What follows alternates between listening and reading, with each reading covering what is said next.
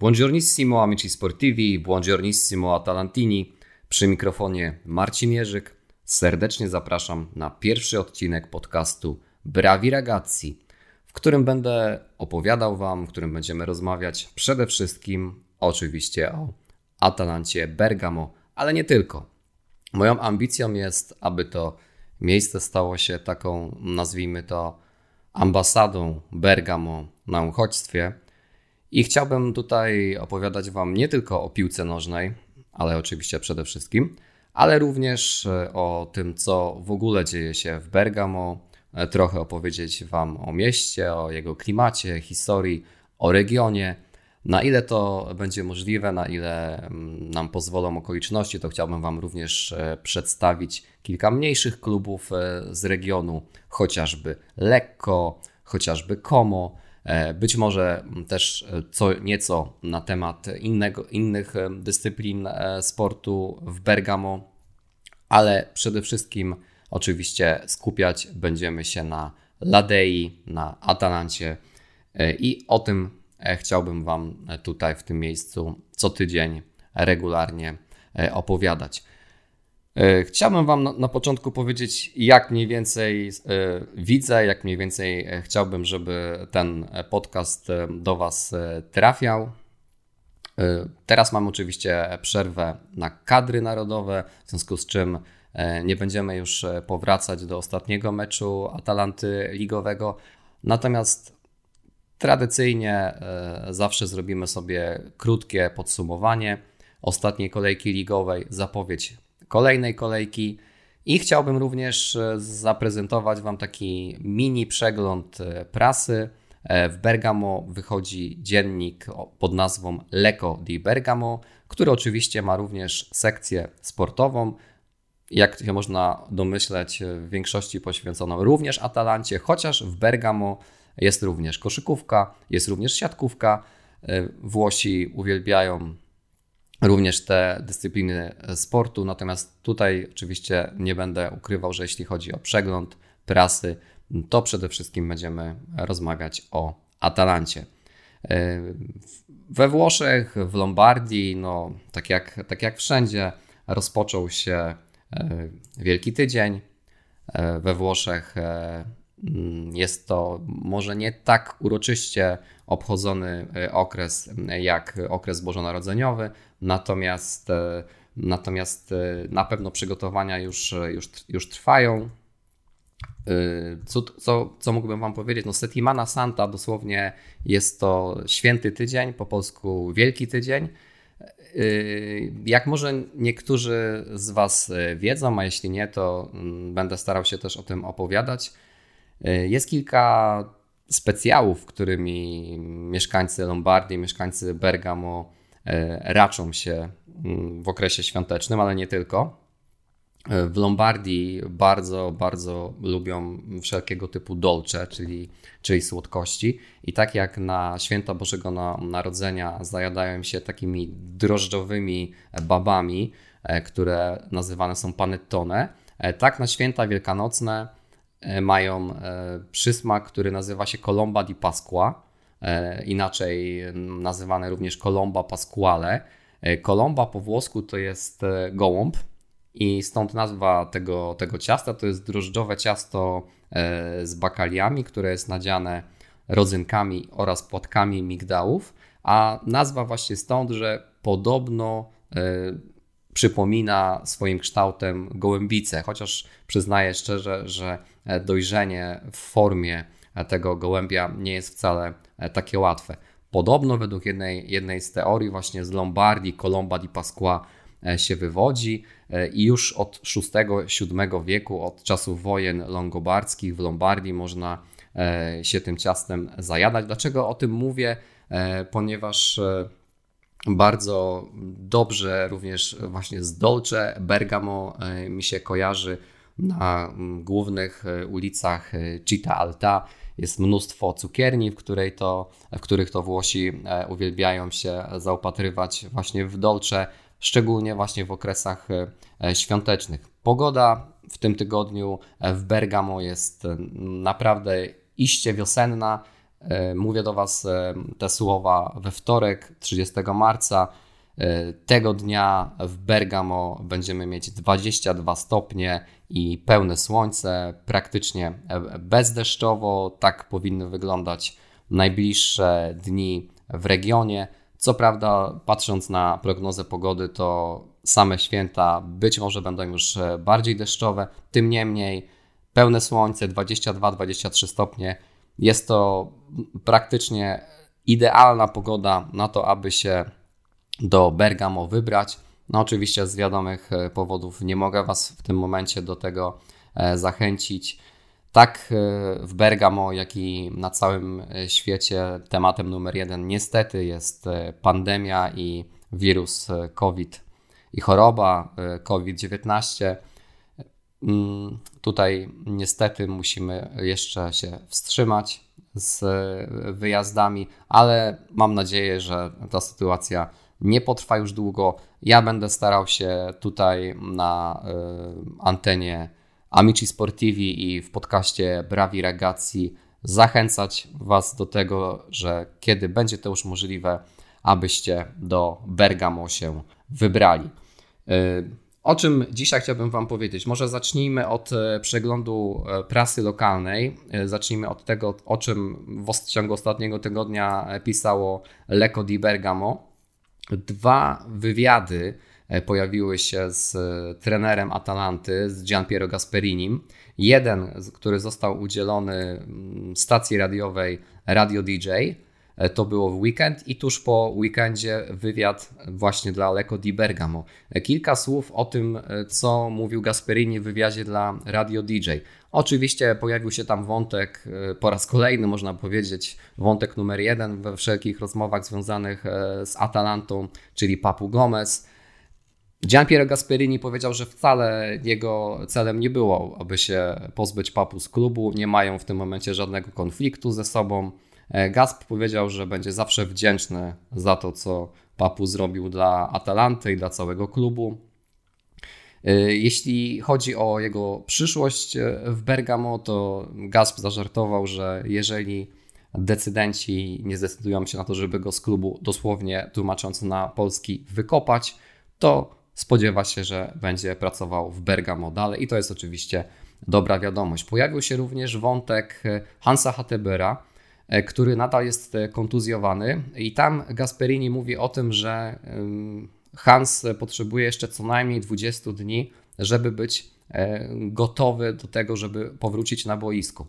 Tutaj uzupełnię to, ponieważ wczoraj właśnie w Lecco di Bergamo pojawił się artykuł E, Robina Albergoniego, w którym to dosyć dokładnie opisuje aktualną sytuację e, Hansa Hattebera. E, właśnie w poniedziałek 29 marca Hatteber udał się do Holandii na dokładniejsze badania, na, na przeprowadzenie dokładniejszej analizy związanej z kontuzją jego stopy. Tak jak tutaj mówił Gasperin, to jest około 20 dni dodatkowo, które będziemy musieli czekać na powrót Hansa Hattebera na boisko. Natomiast tutaj pan e, Robin Albergoni tłumaczy dokładnie na czym polega e, problem. Nie chciałbym się tutaj zagłębiać tak bardzo dokładnie e, w wszelkie medyczne niuanse związane z tą kontuzją. Natomiast co jest kluczowe, jest to kontuzja piąte, piątej kości śródstopia. Jest to jedna z najczęściej powtarzających się kontuzji u e, piłkarzy, ale również wszelkiego e, typu innych e, sportowców.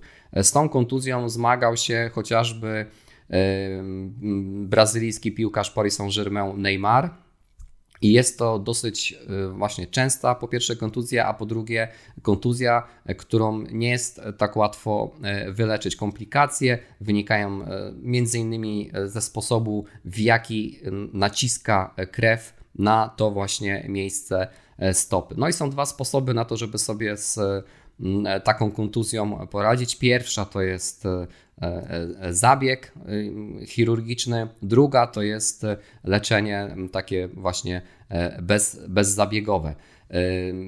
Jeśli chodzi tutaj o to, jakie są dalsze losy Hatebera w związku z tą kontuzją. Zazwyczaj powrót, ta rekonwalescencja trwa około 6-8 tygodni, jeżeli nie decydujemy się na zabieg chirurgiczny, co najmniej 3 miesiące, jeśli chodzi o zabieg chirurgiczny właśnie. No i e, czekamy na e, wyniki badań, które miały być przeprowadzone wczoraj w Holandii, i wtedy e, prawdopodobnie dowiemy się, jak szybko Hans Hatteber wróci na boisko. To był ten, to tutaj takie dodatkowe rozwinięcie, jeśli chodzi o sytuację Hattebera. Wracając jeszcze do wywiadów z Gian Piero Gasperinim, E, to tak jak powiedziałem, po weekendzie udzielił kolejnego wywiadu, tym razem właśnie e, dziennikowi lokalnemu Lecco di Bergamo.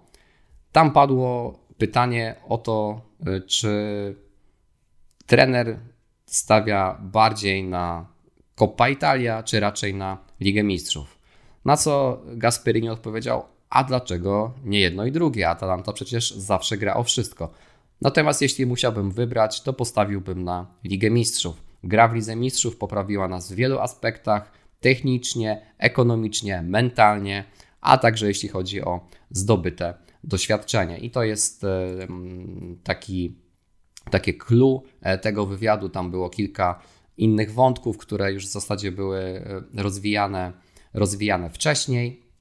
Natomiast poświęcić chciałbym troszeczkę więcej uwagi artykułowi, e, który pojawił się w Lecco di Bergamo w weekend, autorstwa pana Enrico Mazzy. E, I tam pan Enrico Mazza zastanawia się nad tym, nad tym cyklem Gasperiniego, który pracuje już w Atalancie przecież od 2016 roku i to już jest 180 meczów rozegranych y, mm, jako, jako, jako trener y, klubu z Bergamo. Y, pan Enrico Mazza tutaj stara się porównać Atalantę do innych projektów z Serie A. Tutaj bierze sobie przede wszystkim na warsztat Sampdorię prowadzoną przez Boszkowa, pomiędzy 86 a 92 rokiem oraz Parmę prowadzoną przez Skalę e, między 90 a 96 rokiem i dodaję tutaj jeszcze jako, jako ciekawostkę Udinese Guidolina e, pomiędzy 2010 a 2014 rokiem. I co się okazuje? Tak jak mówiłem, 5 lat Atalanty pod Gasperinim to jest już 180 rozegranych meczów. E, średnia punktu na jeden mecz 1,85 i średnio 1,99 strzelonej bramki na mecz. Jeśli chodzi o Sampdorię Boszkowa, e, to było 6 sezonów, 196 rozegranych spotkań, e, średnia punktu 1,68, średnia gola 1,33 gola strzelonego, ale oczywiście, co jest kluczowe, Sampdoria zdobyła jedno Scudetto, dwa razy Coppa Italia i raz Supercoppa Italiana. Parma skali 204 rozegrane mecze, średnia punktu 1,66 i średnia strzelonej bramki 1,29. I co oczywiście jest tutaj po raz kolejny kluczowe, raz Coppa Italia, raz Puchar UEFA i raz Super Puchar UEFA. Więc y, wniosek, który tutaj y, stawia Enrico Mazza, porównując te trzy projekty, dodając jeszcze Udinese, które no trochę się tutaj odstaje z racji tego, że, że nic nie wygrało. Średnia punktowa w 152 meczach Udinese pod Guidolinem 1,57 i 1,46 średnio gola strzelonego na mecz. E, co się, co się wyróżnia? I Sampdoria, i Parma e, zdobywały trofea. Nie jest to może, może szczególnie odkrywcze, o czym pisze pan e, Enrico e, Mazza. Natomiast, e, tak jak, tak jak mówię, czego, czego brakuje Atalancie? Brakuje niewiele. Tym jest trofeum. No, można by tutaj dyskutować, czy to jest rzeczywiście niewiele, no bo z, przecież po to się gra w piłkę nożną, żeby, żeby wygrywać. Atalanta w swojej historii tak naprawdę raz tylko zdobyła jakieś trofeum i to była już dosyć zamierzchła przeszłość. W latach 60. zdobyła jedyne trofeum, czyli Coppa Italia. Za Gasperiniego już niedługo, w połowie maja, będzie grała drugi raz w finale Pucharu Włoch, tym razem z Juventusem. No i tutaj myślę, że ten artykuł w Lecco di Bergamo już jest takim podgrzewaniem atmosfery przed tym, przed tym finałem. Wydaje mi się, że wszyscy w Bergamo już na to czekają, aczkolwiek tak jak mówiłem Wam y, chwilę wcześniej, Gianpiero Gasperini mówi o tym, że gdyby miał wybierać pomiędzy zwycięstwem w Pucharze Włoch, a awansem do Ligi Mistrzów, to jednak wybrałby e, Ligę Mistrzów. E, ja osobiście, jako, jako kibic e, Atalanty, wolałbym ten puchar, bo to jest właśnie. Tutaj się zgadzam z panem Enrico Mazzą. Wydaje mi się, że właśnie to, co zostanie po erze Gasperiniego za, za jakiś czas, mam nadzieję, że to będzie właśnie puchar to będzie coś, co będzie można do gabloty e, tego 18 maja do Bergamo e, przywieźć. Oczywiście, e, jeżeli udałoby się połączyć te, te dwie rzeczy i również awansować do kolejnej edycji Ligi Mistrzów, to nie mam nic przeciwko.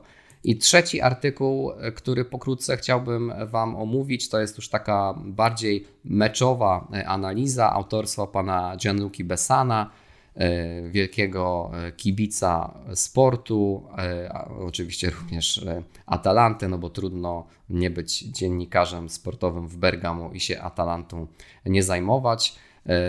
To jest taktyczna analiza, dosyć interesujące spojrzenie na to, w jaki sposób powinna grać Atalanta pod nieobecność swoich wahadłowych. Tak jak mówiłem, Hans Hatteber co najmniej 20 dni jeszcze nieobecności. E, no i tak jak e, być może pamiętacie, Robin Gosens wypadł ze składu w trakcie meczu Ligi Mistrzów z Realem.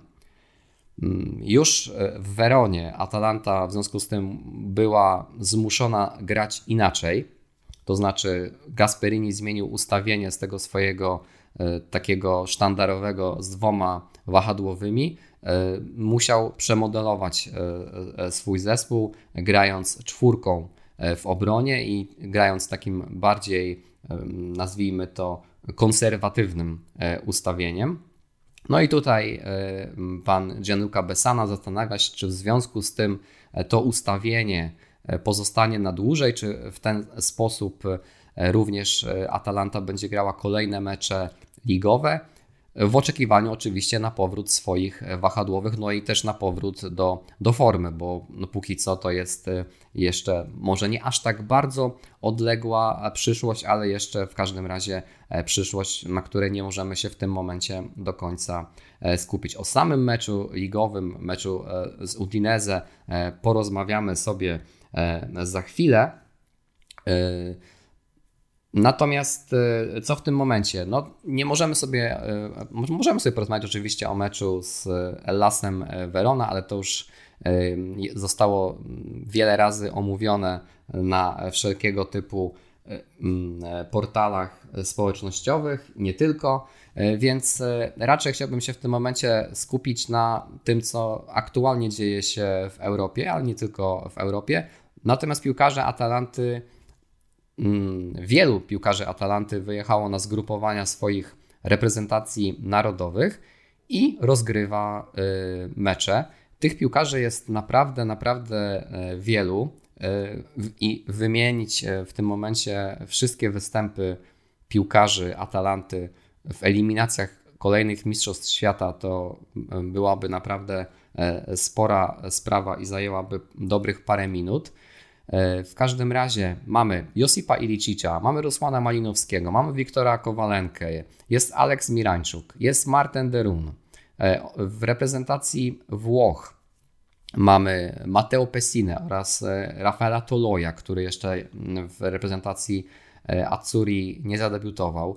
Jest Mario Pasalic, jest Berat Jim City, jest Remo Freuler, jest Joachim Mele, I praktycznie wszyscy ci piłkarze w meczach grają.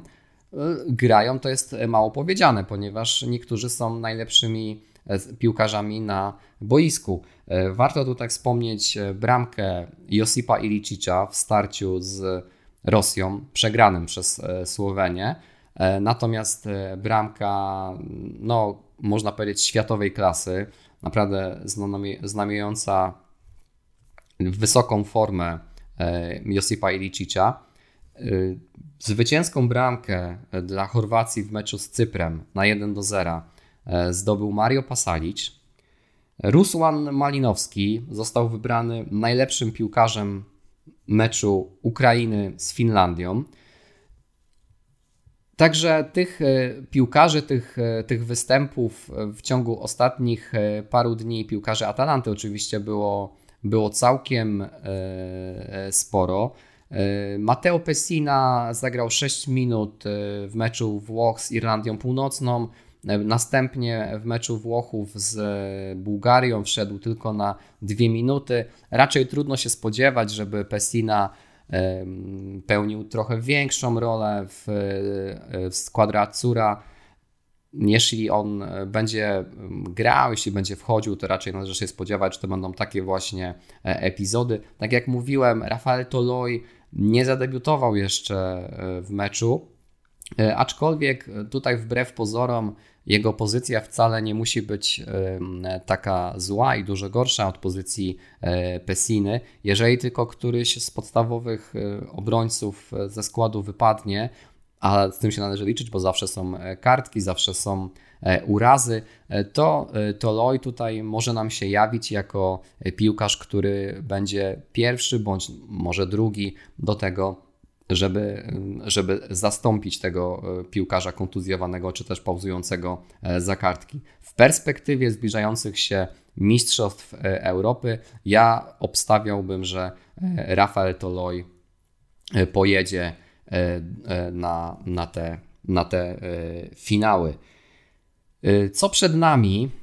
Oczywiście przed nami, tak jak, tak jak mówiłem, te słowa nagrywam we wtorek 30 marca, więc przed nami jeszcze jedna seria spotkań eliminacyjnych e, w tej fazie e, marcowej. E, no ale przed nami już kolejna seria spotkań ligowych w Serie A. Mecz Atalanty kolejny to jest sobota, Wielka Sobota, godzina 15 i spotkanie z Udinese. No, chciałbym powiedzieć, że Udinese to jest dosyć niewygodny przeciwnik, ale to taki może, może banał to, to, to brzmi może niezbyt przekonująco. Natomiast y, no, Udinese to jest może drużyna, którą, której się nie ogląda szczególnie dobrze, o której nie można by powiedzieć, że gra piłkę pasjonującą. Natomiast na pewno jest to drużyna, która w tym sezonie robi wyniki nie najgorsze. Myślę e, trochę nawet e, ponad miarę e, swoich umiejętności i swoich możliwości. Skład Udinese może nie rzuca na kolana, ale są tam nazwiska, które są kojarzone przez kibiców nie tylko, nie tylko Calcio. Jest dobrze znany Nestorowski, jest Fernando Llorente, jest Gerard Delofeu.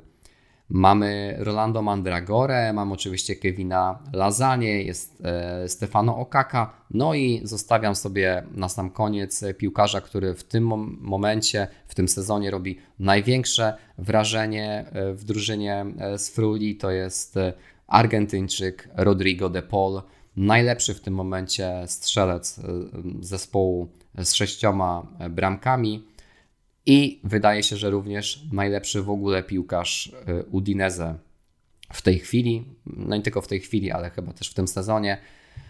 Y, piłkarz, o którego już pytają mocniejsze zespoły, y, o którym się już mówi w kontekście zbliżającego się Calcio Mercato. Będziemy oczywiście tutaj śledzić losy Argentyńczyka. Z tego co ostatnio czytałem, podobno Rodrigo wcale się z Udine ruszać nie chce, podobno jest mu tam dobrze, ale jak się można łatwo domyśleć, wszystko jest kwestią tego, w jaki sposób prowadzone są negocjacje, co tak naprawdę zostanie mu zaoferowane. I myślę, że niedługo przekonamy się, czy E, czy Rodrigo de Paul w przyszłym sezonie będzie również e, grał w barwach e, Udinese. Wracając do, do samego meczu. Bilans ostatnich spotkań Atalanty z Udinese, bezpośrednich spotkań, jest niezły. Można to tak delikatnie ująć dla drużyny z Lombardii.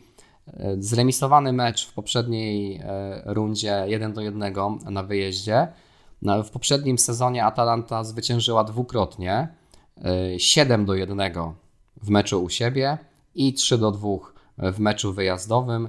E, sezon 18-19 to również dwa zwycięstwa Atalanty, 2-0 u siebie oraz 3-1 e, na wyjeździe. Przed własną publicznością e, Atalanta nie przegrała z Udinese od trzech sezonów. Aktualny bilans y, Udinese na wyjeździe to 3 zwycięstwa, 6 remisów oraz 5 e, porażek.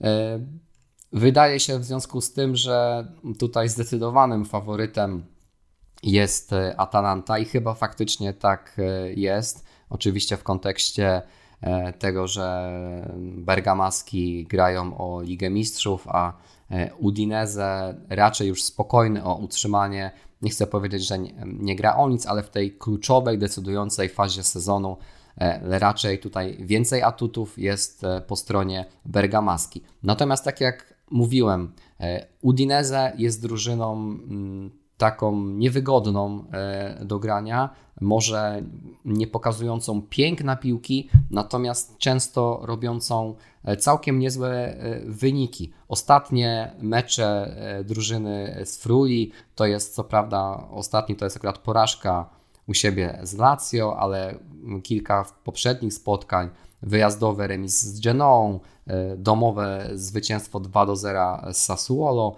wyjazdowy remis na San Siro z Milanem, zwycięstwo u siebie 1 do 0 z Fiorentiną oraz e, wyjazdowy remis 2 do 2 e, z Parmą. E, także te wyniki są nie najgorsze, biorąc pod uwagę potencjał drużyny. Aktualnie Udinese zajmuje 12, pozy 12 pozycję w lidze. Atalanta oczywiście w pierwszej, pierwszej czwórce.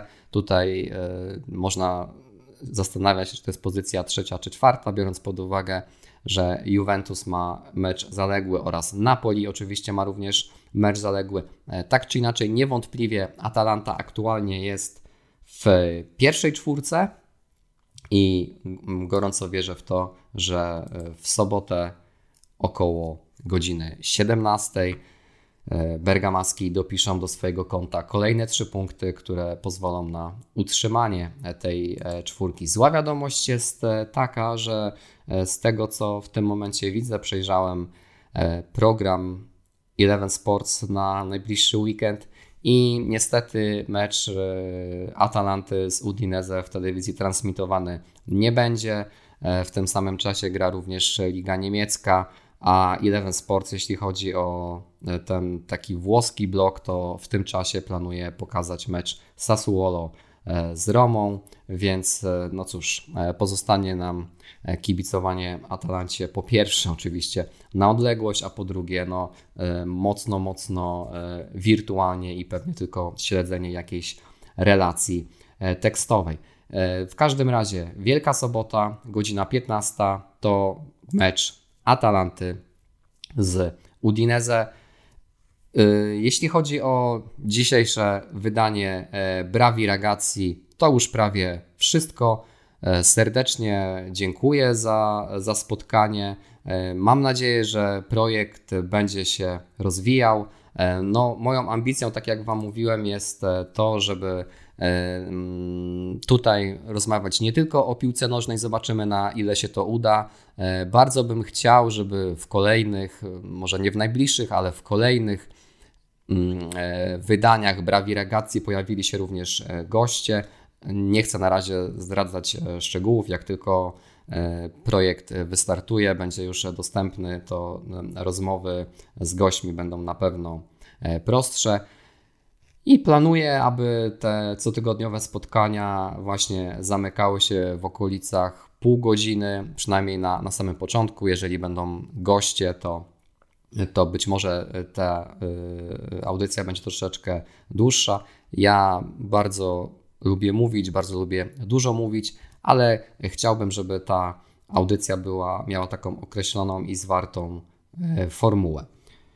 Y, serdecznie dziękuję za dzisiejszą e, obecność. E, życzę Wam wszystkim e, dobrego dnia i do usłyszenia za tydzień. Marcin Jerzyk, pozdrawiam serdecznie.